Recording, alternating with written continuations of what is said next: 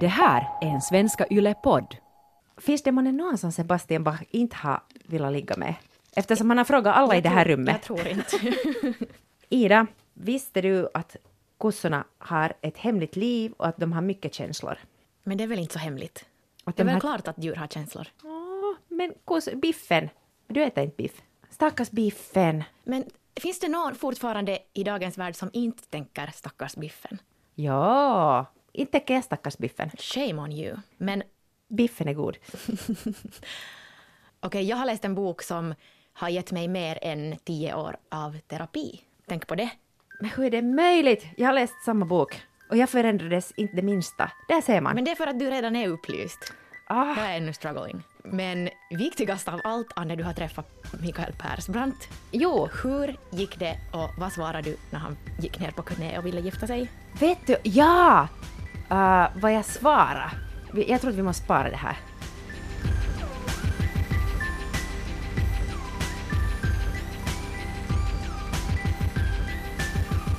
Det är lite som att man i ena handen så skulle man ha en skottkärra och den är full med brölande nyfödda kalvar som ser glada ut, som ser sorgsna ut eller kanske som sover.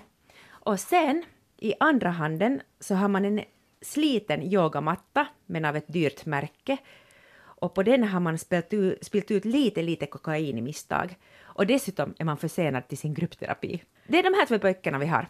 Så är det. Det här är Bokpodden Hietanen och Henriksson. Vi heter Ida Henriksson och jag heter Anne Hietanen. Och vi börjar med den slitna yogamattan. Där är kanske lite mensblod också. Och andra vätskor. Vi har läst I fiskarnas tecken av Melissa Broder. The Pisces heter den på engelska. Enligt Vogue är det den snuskigaste, bisarraste och mest original, originella skönlitterära bok jag har läst på länge.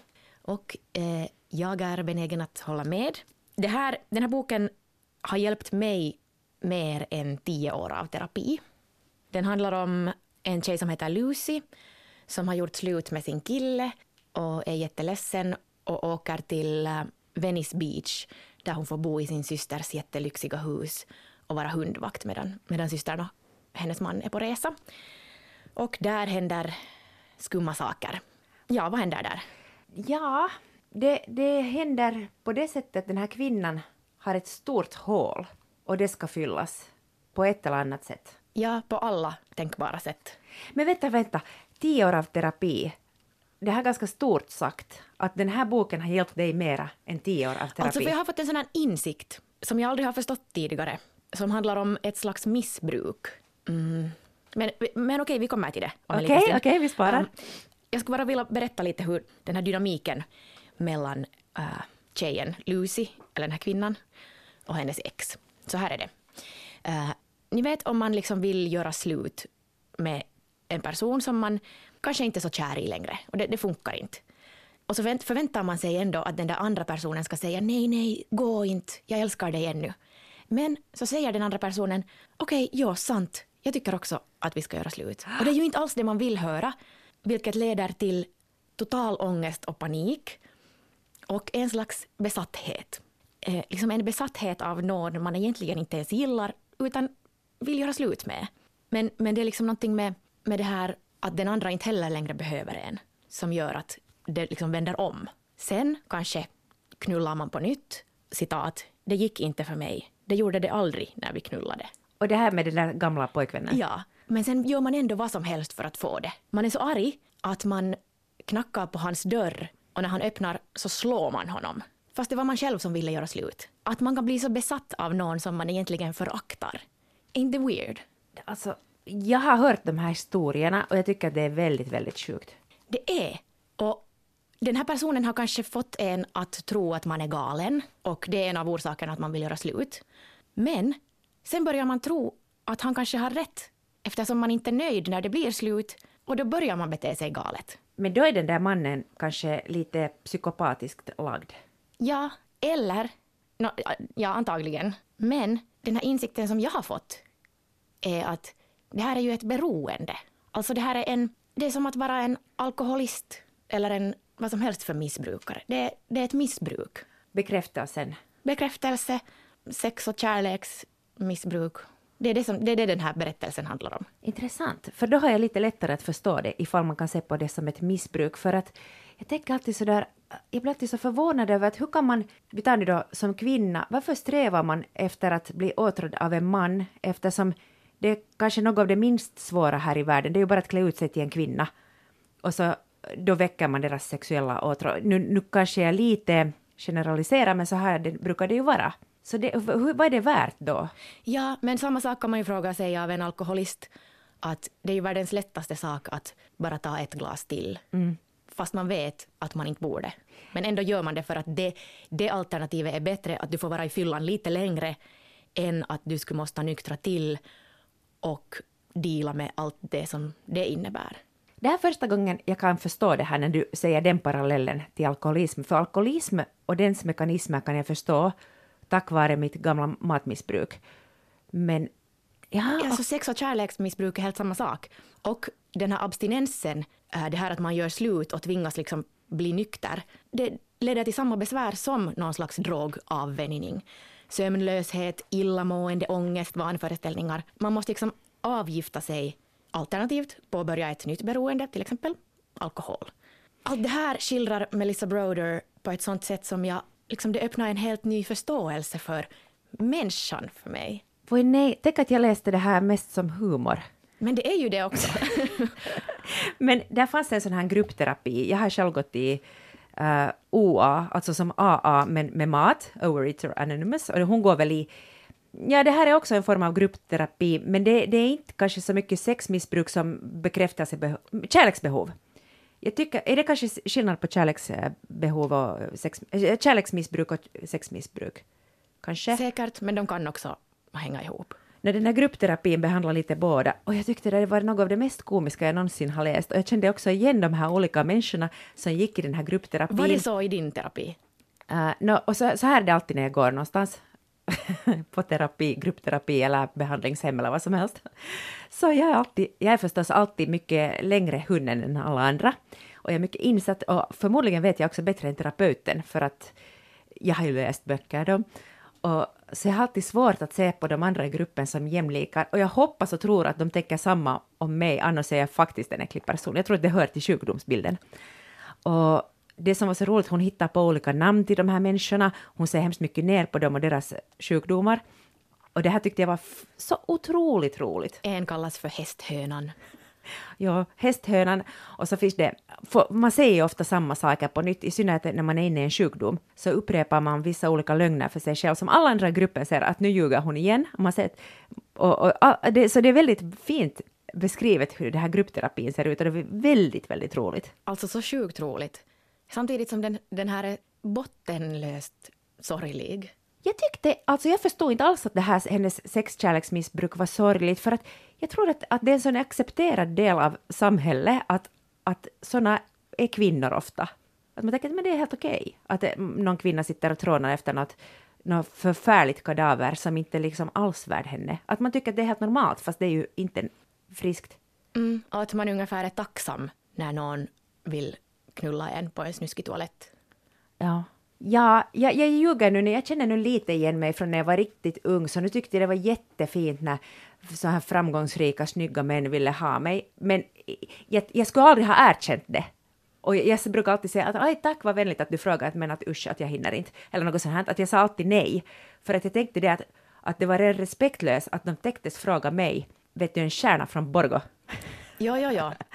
Men sen när man avvänjer sig eller sen när man har den här avvänjningsfasen, så det finns en positiv sak med det. Att man blir smal. För att det är som när du är på rehab, så ingenting hålls igenom, man är liksom, man mår så dåligt, men åtminstone blir man snygg. Nu, nu, nu tänker jag flytta din mikrofon utanför studion, där du får prata din rappakalja för dig själv. Men nu pratar du lite som ja. personen i boken, Lucy, att hon, hon tänker också, hon har också det här... Ja, jag menar liksom, det här var inte alltså, nödvändigtvis min åsikt, utan huvudpersonens åsikt. Jo, och här alltså känner... ingenting av det här personligt. Ja, man känner hemskt mycket igen Melissa Broder från So Sad Today. Och för mig var det skulle vara, jag skulle tycka bättre om boken om inte jag skulle känt till författarens mera biografiska texter från tidigare. Så nu såg jag hela tiden framför mig med Lisa Broder själv och så kom jag ihåg hon i den tidigare boken hade den här anorektiska världen. Och jag, skulle, jag hade svårt att se det här ändå som fiktion, fast det är fiktion, men den här genren var lite lös. Sen är den också lite fantasy ibland. Ganska mycket fantasy. Mm. Och jag, jag tyckte att den formmässigt var, var problematisk för mig, även om den där världen är jättespännande och, och berör mig nog. Jag tyckte det funkar för att är inte alla... Är det här hennes första skönlitterära Jo. roman? Så såklart hon skriver om sig själv. Alltså det skulle vara konstigt om hon... In, att, gör inte ändå alla det i sin debutroman, att man försöker skapa sitt eget narrativ kring sitt liv? Mer eller mindre medvetet kanske. Jag tyckte inte att det störde. För mig var det ett problem faktiskt, att, att jag kunde inte skilja åt So Sad Today från, från den här. Och jag, So Sad Today tyckte jag väldigt mycket om. Men, och den här gillar jag också, men, och jag tänker på det nu på ett annat sätt när du säger hur mycket den har betytt för dig.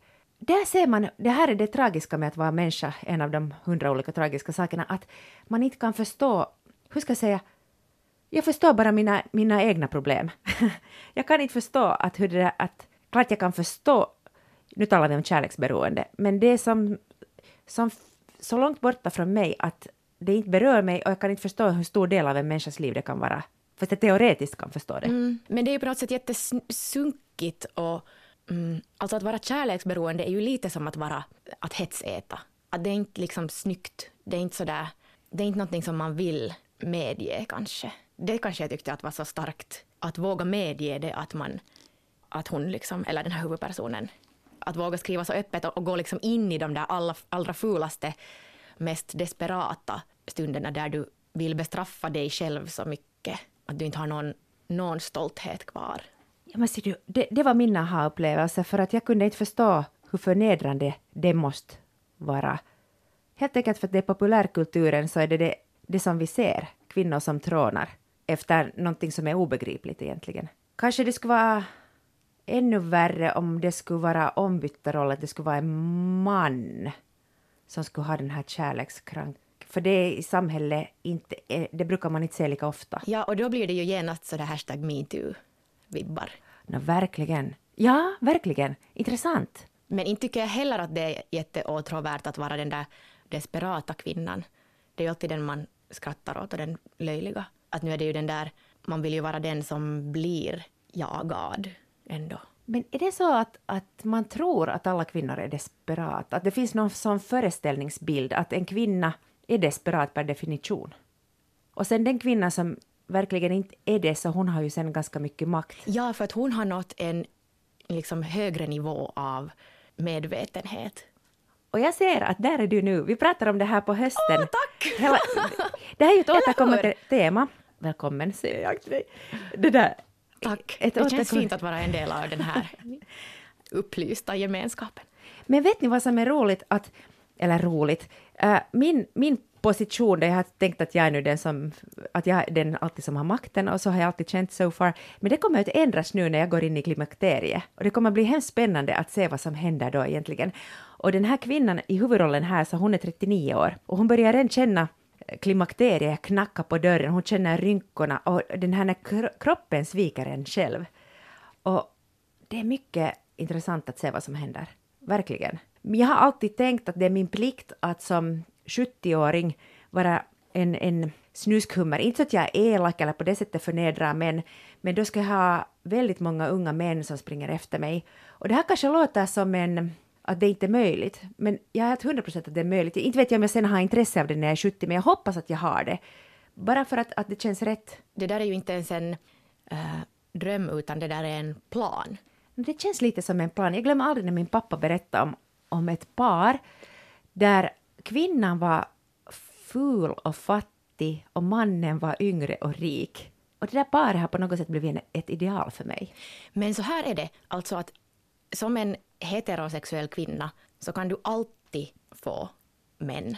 Och det här är den där hemligheten som, som då när man fortfarande är inne i det här bekräftelsemissbruket så fattar man inte. För att eh, du har blivit lurad att tro att som, som du sa, att det är världens lättaste sak att få någon att älska en. Ja, det, det, Att mm. tro, liksom, tro inte på det att det skulle på något sätt vara, en, vara värt att liksom, kämpa jättemycket för. Jag har varit några gånger i sådana situationer. Det har varit så här extremt världskända män. Uh, nej men vem ska vi ta? Vi tar hela Guns N' Roses, vi tar Sebastian Bach som jag älskade när jag var ung. Vet du, så här riktigt stora. Usch, har han också velat ligga med dig? Jo, och Också det... med en gång, det var jättesnuskigt. Nej! Sebastian Bach. Mm. Han är ju, jag, jag tyckte hemskt mycket om honom, men aldrig hela livet att jag skulle lägga med honom. Jag minns de där andra, har det här något med något att göra? Men jag menar, det är bara. Det, men det är sjabbigt. Men det är det bästa. så, så jag ska bli en sån här rockstjärna när jag En är 70. kvinnlig Sebastian Bach. Ja, men inte vill jag ha någon Ida och Anne som säger nej åt mig. Då ska jag bli så arg. Jag ska bli så arg. Vad, vad sa han åt dig då? You are a whore.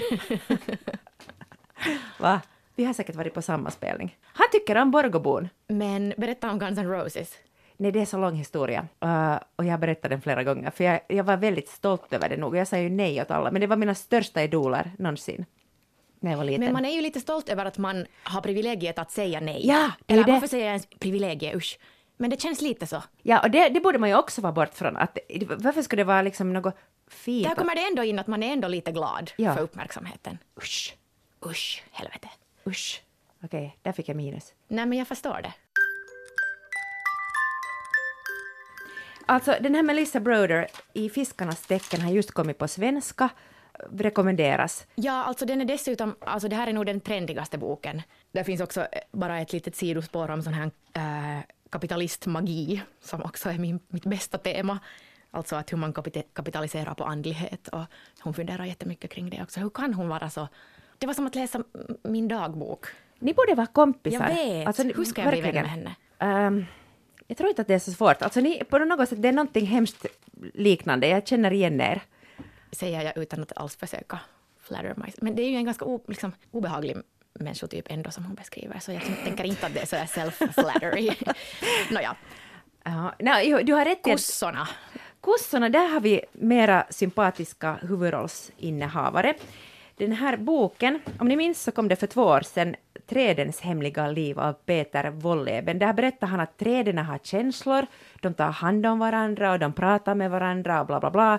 Han var så här skogsvaktare som hade då observerat träden och, och, och det här blev en bestseller runt om i världen.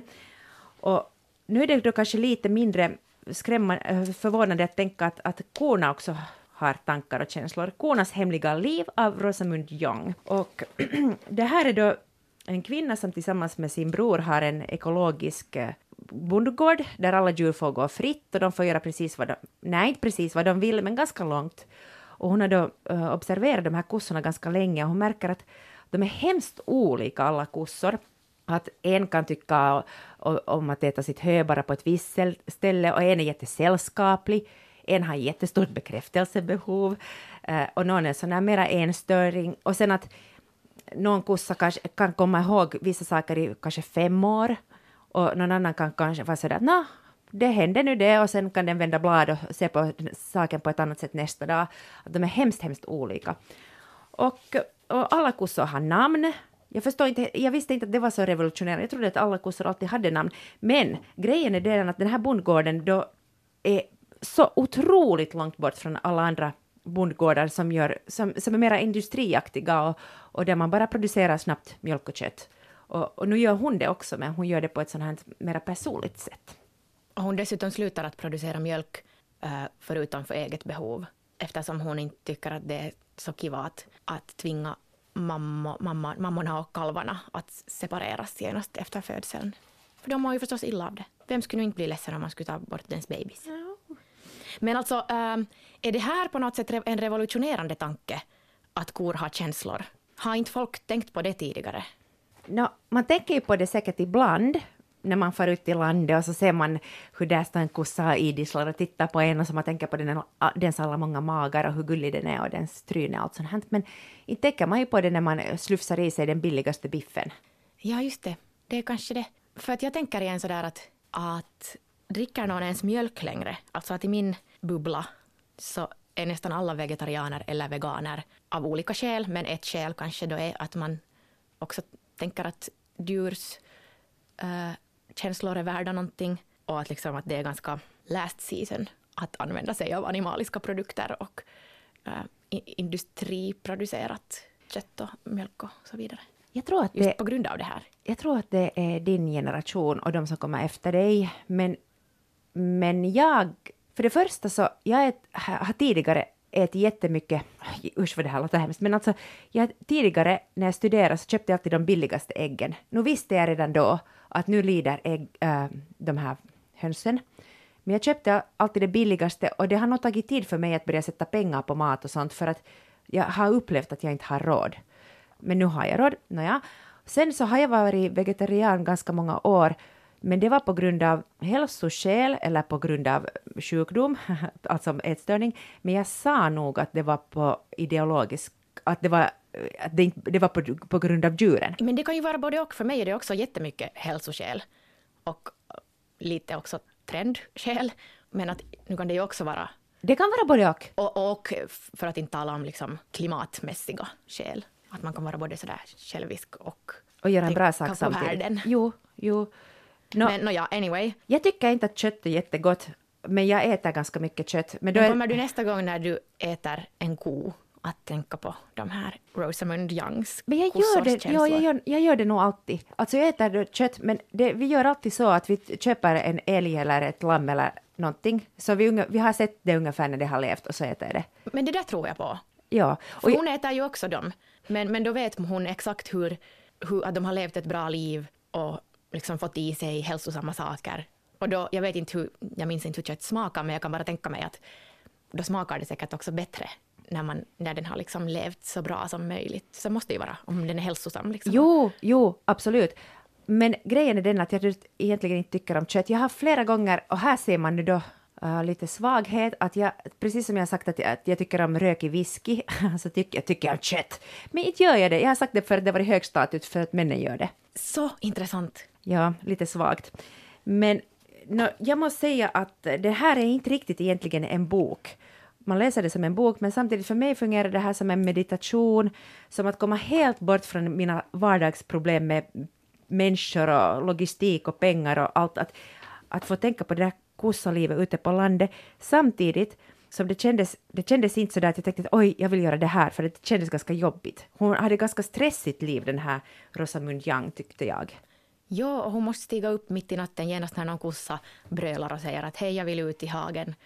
Så hon lever helt på deras villkor. Att det är ju inte alls så där som man tänker att som en äh, stadshipster som drömmer om att flytta ut på landet och vara självförsörjande, vilket jag också har gjort i omgångar. En gång försökte jag odla potatis, men sen orkar jag inte skörda det. jag har den här Walden eller Thoreau-drömmen att fara till en stuga, men inte skulle jag orka ta hand om så där många kossor. Ja, eller vad? Men är det inte lite liksom romantiserande och banaliserande att hur, hur många sådana som på riktigt lever på en bondgård läser den här? Jag tror inte att de, de, de måste tycka att det här är... Men det är ju inte så romantiserande. Alltså hon, hon stressar och har ångest och de är vidriga, de där vissa kossor. Men nu är det ju jättemycket sådär. Och sen gick jag ut i hagen och gav mjölk ur en flaska åt den där lilla kalven och sen sa vi godnatt. Och vet du vad som är min värsta i den här boken? Nå. Att hon sätter repliker i de där kossornas munnar. Men det kan du ju inte ändå göra. Alltså oberoende av hur mycket känslor, jag tror absolut att kossorna har egna personligheter och eh, mycket intriger och olika förhållanden sinsemellan. Men att börja nu inte sätta in repliker, alltså där, det blev så barnsligt. Ah, jag tyckte tvärtom. Jag skulle ha velat att det skulle varit mera fantasi och repliker. Jag tänkte sådär att hon, hon har ganska svag fantasi för att hon tillåter ju sig då vissa saker att tillskriva dem vissa egenskaper som de nu inte nödvändigtvis ändå har sen sist och slutligen. Att skulle hon nu inte ha kunnat på, kommit på något lite roligare vet du, något, att nu ha gruppterapier eller orgel, eller lite låta tanken lite sväva och sådär. Men då underminerar det ju liksom den här effekten som den här boken kanske skulle kunna ha på sådana som aldrig har tänkt på att köttet på deras tallrik har känslor.